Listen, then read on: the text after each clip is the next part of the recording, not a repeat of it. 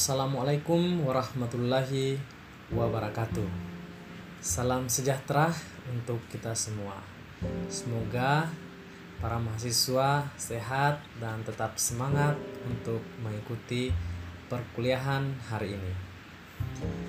Pada pertemuan bagian kedua, kali ini kita akan membahas tentang pengertian sosiologi dan ruang lingkup sosiologi. Namun, sebelum itu, pada pertemuan yang lalu kita sudah menyinggung sedikit tentang pengertian sosiologi. Baik, apakah para mahasiswa sudah mengerti dan mengetahui pengertian sosiologi tersebut? Nah, saya akan mengulang sedikit tentang materi sebelumnya. Jadi, pada dasarnya, sosiologi berasal dari bahasa Yunani, yaitu terdiri dari dua kata, yakni socius dan logos. Socius diartikan sebagai kawan, teman, atau kelompok, sedangkan logos diartikan sebagai ilmu. Sosiologi menurut para ahli. Yang pertama adalah menurut Emil Durkheim. Pengertian sosiologi adalah ilmu yang mempelajari fakta sosial.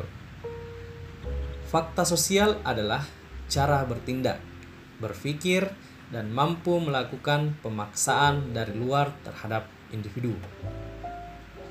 Yang kedua, menurut Max Weber, Pengertian sosiologi adalah ilmu yang berupaya memahami tindakan-tindakan sosial. Tindakan sosial adalah tindakan yang dilakukan dengan mempertimbangkan dan berorientasi pada perilaku orang lain. Yang ketiga, menurut Sejono Sukanto, pengertian sosiologi adalah ilmu yang memusatkan perhatian pada segi-segi kemasyarakatan yang bersifat umum dan berusaha untuk mendapatkan pola-pola umum kehidupan masyarakat.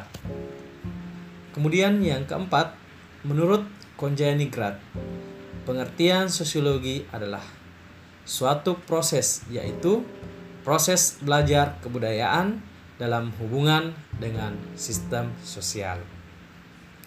Jadi, dapat kita simpulkan bahwa sosiologi adalah ilmu yang mempelajari tentang masyarakat. Sedangkan berbicara masalah ruang lingkup sosiologi berarti kita akan membahas secara luas tentang sosiologi itu sendiri. Untuk materi hari ini, lebih jelasnya kita akan mengurai ruang lingkup sosiologi.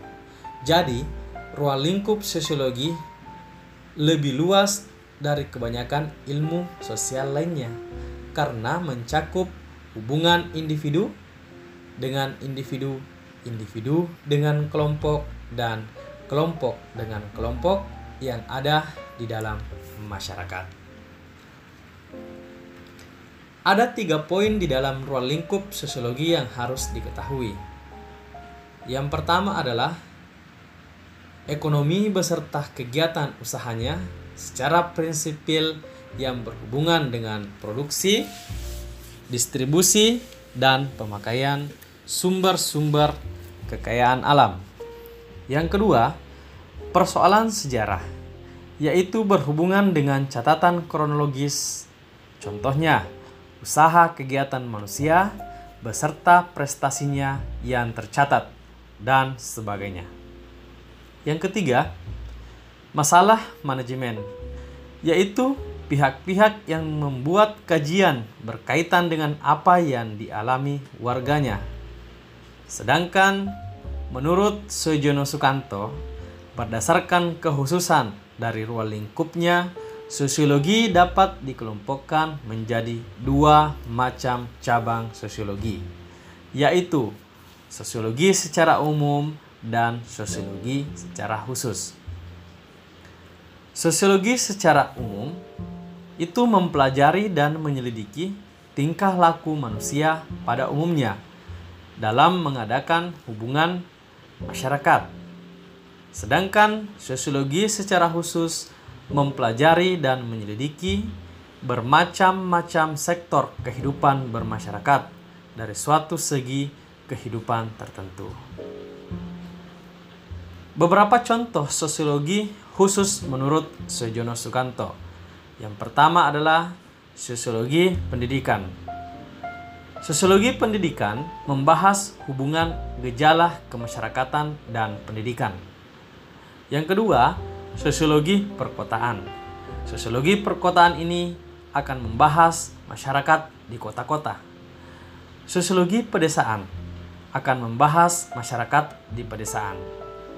Sosiologi hukum akan membahas tingkah laku manusia dan masyarakat dalam kaitannya dengan hukum yang berlaku. Sosiologi pembangunan akan membahas masyarakat di dalam pembangunan. Sedangkan yang terakhir adalah sosiologi industri, yakni akan membahas masyarakat dalam dunia industri. Selanjutnya, Fungsi sosiologi sebagai ilmu pengetahuan, fungsi sosiologi dikategorikan dalam empat hal. Yang pertama adalah fungsi dalam perencanaan sosial, yang kedua adalah fungsi dalam penelitian, yang ketiga adalah fungsi dalam pembangunan, kemudian yang keempat adalah fungsi dalam memecahkan masalahnya. Kita kembali kepada fungsi sosiologi dalam perencanaan sosial. Sebagaimana yang diketahui bahwa perencanaan sosial itu merupakan alat atau sarana yang bisa digunakan untuk mengetahui dan mempelajari perkembangan dari masyarakat. Pada interaksi sehari-hari, masyarakat pasti akan selalu melakukan kontak dengan masyarakat lainnya dengan adanya perencanaan sosial terlebih dahulu, maka akan lebih meminimalisir terjadinya konflik pada kehidupan masyarakat. Hal tersebut karena perencanaan sosial yang dilakukan disusun berdasarkan fakta. Kemudian yang kedua, fungsi sosiologi dalam penelitian. Di dalam penelitian, Sosiologi memberikan kontribusi untuk terus meningkatkan hasanah ilmu pengetahuan. Pengetahuan yang diperoleh tentunya berhubungan dengan kehidupan masyarakat, baik itu gambaran secara umum atau lebih spesifik. Pada proses penelitian akan terlihat berbagai gejala sosial serta perubahan yang terjadi pada lingkungan masyarakat. Hal tersebut nantinya akan secara perlahan membentuk masyarakat rasional dan selalu berhati-hati. Yang ketiga, fungsi sosiologi di dalam pembangunan.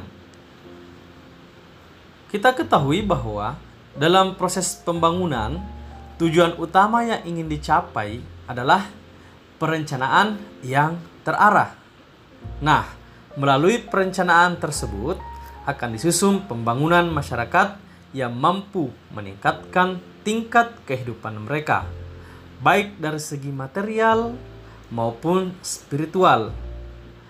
Hal-hal yang menjadi kebutuhan sosial masyarakat harus dipenuhi agar nantinya perubahan sosial yang terjadi bisa menuju arah yang lebih baik.